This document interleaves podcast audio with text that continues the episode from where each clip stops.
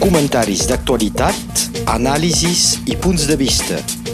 La crònica d'opinió amb el professor Joan Becat. Joan Becat, bon dia. Bon dia.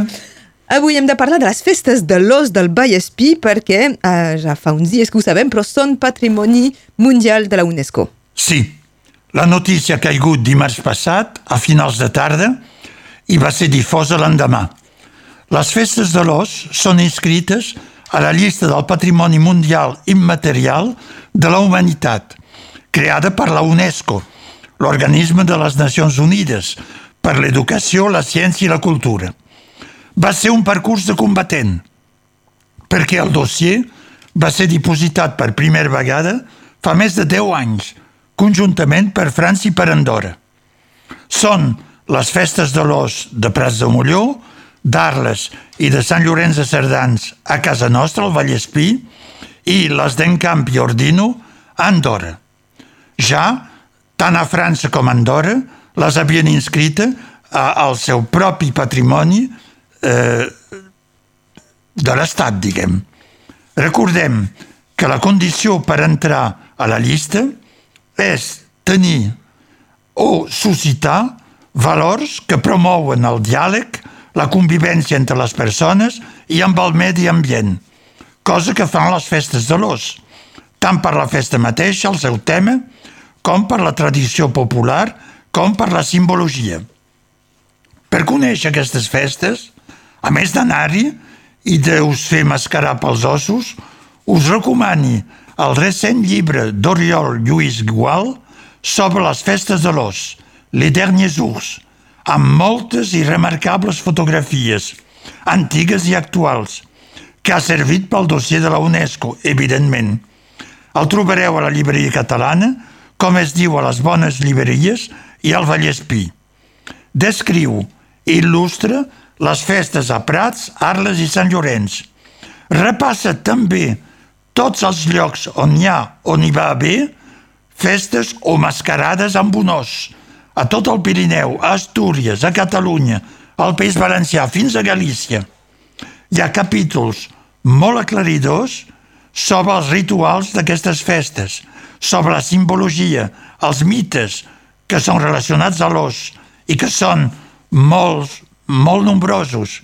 I eh, a, a, a, a l'os, l'animal salvatge, que té la reputació de més s'assemblar a l'home dins les creences populars de casa nostra. Veieu, coneixeu aquestes festes tradicionals, perquè seu d'un d'aquests pobles o perquè hi heu anat. Si no és el cas, hi heu d'anar al, prop, al proper mes de febrer. Això sí, no hi aneu mudats o per les dones amb sabates de talons, sobretot a Pres de Molló, on la festa és molt moguda. Us ho passareu bé i probablement entrareu dins el joc de la festa. Les festes de l'os tenen punts comuns, totes, però tenen alguna particularitat a cada poble, amb personatges de vegades diferents i un guió de la festa de vegades una mica divers. Eh, precisament, Joan Becat, com són aquestes festes de l'os i les seues diferències? Doncs, a casa nostra, a Prats de Molló, en diuen el Dia dels Ossos, perquè n'hi ha més d'un, s'han fet sense discontinuïtat des de fa segles. Mai han parat, amb unes hores baixes, és veritat, als anys 50, i una represa després i una gran vitalitat avui dia. Primer, amb la gent del poble, se feien, era una cosa local, diguem, i avui són molt concorregudes, com les altres.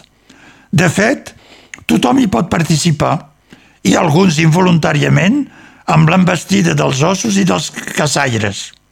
Els protagonistes són sempre homes joves del poble, que abans eren els que anaven a fer el servei militar.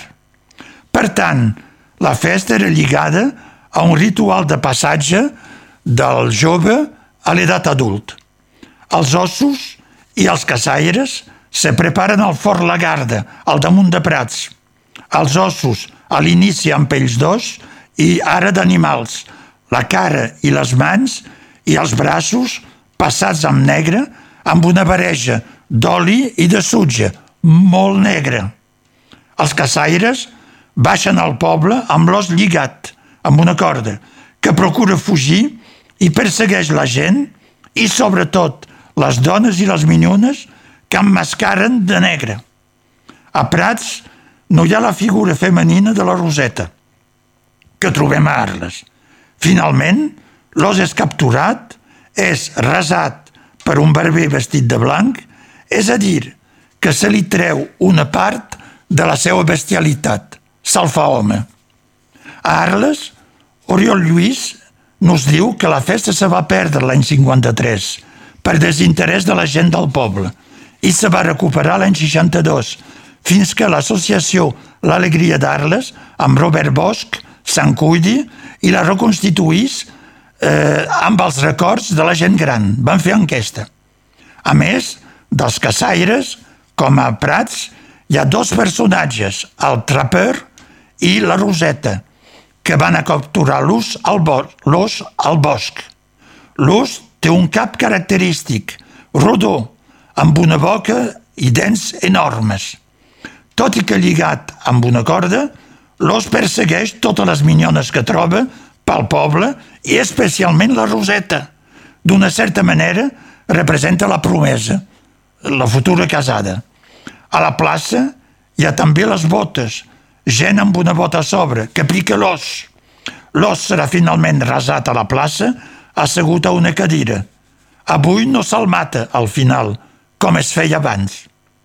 A Sant Llorenç hi ha un manaire que porta el grup de caçaires, l'ús sai del bosc, no és capturat, és lliure i persegueix nines i dones fins que se'l captura i se'l lliga. Al final se'l rasa amb una picassa. Hi ha també la monaca, amb dos caps, quatre braços i quatre cames, i els botifaruns, que fan menjar la gent botifara, botifara negra i blanca, dins un pot de cambra i n'aprofiten per empastifar les cares de la nina. Una al·lusió sexual evident. Quin significat els hi podem donar? Molts. Perquè les festes de l'os, que se feien tradicionalment el 2 de febrer, el dia de la Candelera, eren lligades al període del Carnaval. Com que la Candelera cau qualsevol dia de la setmana, sempre el 2, s'ha posat la festa a dies on la gent hi pugui anar el diumenge. I els tres pobles del Vallespí s'han posat d'acord per fer-ho a dates diferents, per no trepitjar-se. Per tant, les podeu veure totes al mateix any, per exemple el 2023.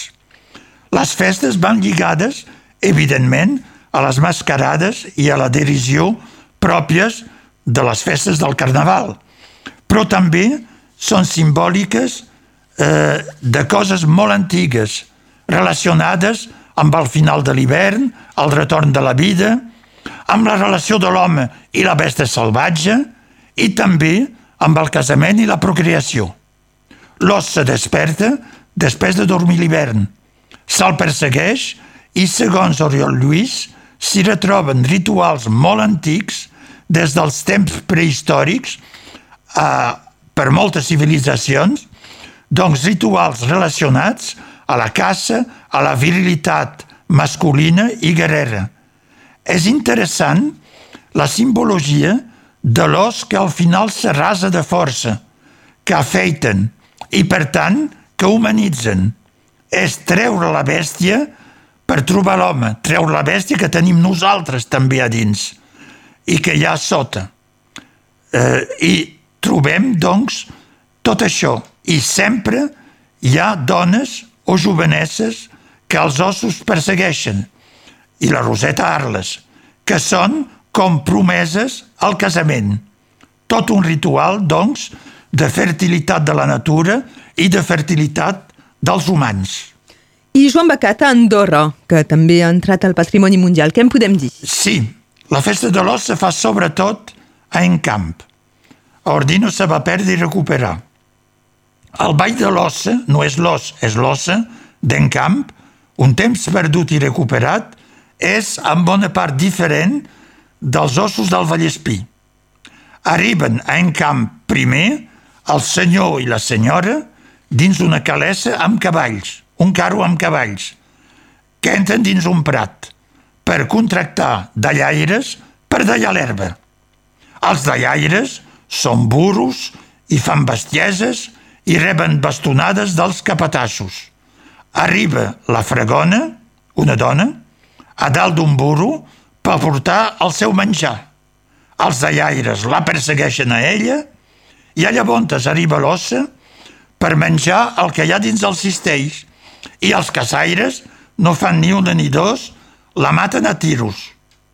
La festa va doncs més lligada a les relacions socials i el paper de l'ossa és molt edulcorat, ja que no empaiten les dones, són els homes, els dallaires. Bèstia home no està bé per l'Església i cal veure, probablement, el paper de l'Església tan notable a Andorra. La festa conserva al final que s'ha perdut el Vallespí, és a dir, que maten l'os davant de tothom. Diferents, però evidentment és el mateix cicle. Deixem ara les festes de l'os i, um, Joan Becat, ens voleu parlar de l'assemblea de lectors de Vilaweb que va tenir lloc al casal de Perpinyà recentment. Sí, de Vilaweb. La setmana passada, a les 6 de la tarda s'ha fet al casal, a Perpinyà, la reunió anual de lectors de VilaWeb, en presència del seu director i fundador, Vicent Partal, que és de València, i que VilaWeb és a Barcelona, i feia la diada a Perpinyà, tots els països catalans. Cada any ho fa a cada país, per mantenir el contacte amb els seus lectors i subscriptors.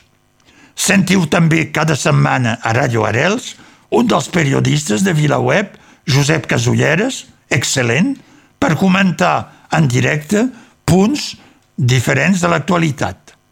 Suposi que molts de vosaltres coneixeu i, cons i consulteu regularment VilaWeb, cada dia o de tant en tant, i sabeu que és un diari seriós i ben informat. Si no és el cas, aneu a internet, piqueu VilaWeb en un sol mot i entreu. Només veure la presentació i sabreu que és un diari digital que no va pel sensacionalisme, que no fa la notícia far per enganxar la gent. De vegades notícia mòrbida o people, com ho fan molts diaris, com ho fa gairebé cada dia l'Independent. I eh, el, el VilaWeb és també el primer diari digital de Catalunya. Té un altre caràcter. És la seva absoluta independència de cara als partits polítics, als governs o als diners. És inhabitual, perquè a Espanya, a Catalunya i a França, els diaris papers digitals són enfeudats a un partit polític o a un grup financer, fins i tot l'independent. Això fa que la tria de notícies, el que se posa en valor, per exemple, amb l'independent Occitània, ja que els amos són de Tolosa i han finançat la senyora Delgà. Eh, doncs se posa en valor i els comentaris en el sentit dels amos concrets o ideològics del mitjà de comunicació com pot semblar normal, però com que eh, hi ha límits amb la deontologia. VilaWeb, ell, és un diari lliure, com ho és Radio Arels, en el sentit que s'ha refusat a rebre subvencions i publicitats. Doncs de què viu? Dels seus 23.000 subscriptors, que voldrien arribar a 30.000, i que s'abonen per 60 euros l'any. Això vol dir que el diari és reservat als que paguen, tot i que 5 euros per mes no sigui gran cosa? Doncs no. És un dels rars, i el sol a Catalunya, a tenir tots els seus articles i tot el diari oberts. A VilaWeb podeu entrar i tothom pot llegir la totalitat dels articles. No és com a Le Monde, a l'Express o a l'Independent, que o bé compreu el diari paper, pagueu, o bé per internet sereu enganxats per un títol, cinc ratlles i després us diuen heu de pagar, reservat als abonats. I, eh, I això no únicament el dia mateix, sinó que un any després sempre l'article és tancat. Com us ha dit el Vicent Partal, el director, consideren que la informació és un dret que necessita la gent, un dret humà, que no té, que no ha de tenir limitacions per les raons que siguin. Una altra originalitat de VilaWeb és el seu acord de cooperació i d'intercanvi amb una dotzena de diaris digitals, semblant a ell, de diversos països europeus. És a dir, que quan passa un, un esdeveniment o una notícia important al, al, al país corresponent, el diari d'aquest país la cobreix i informa. I el dia i l'hora mateixa, els altres diaris de la xarxa comparteixen la notícia i la publiquen.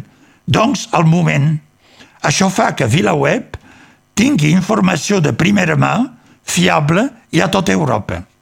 No puc tancar aquesta informació sense parlar d'un fenomen de, fenomen de moda que m'agrada molt dins la premsa catalana, originat per VilaWeb. És el paraulògic. Veieu i jugat. Se presenta com una flor, el dibuix, de sis petals on podeu posar una lletra a cada petal, amb al centre una casella, com el cor de la flor, amb una lletra obligada. El joc, que canvia cada dia. El joc consisteix a trobar mots en català com més millor. 20, 30, 50, 100, d'una a set lletres, sempre amb la lletra de referència al mig.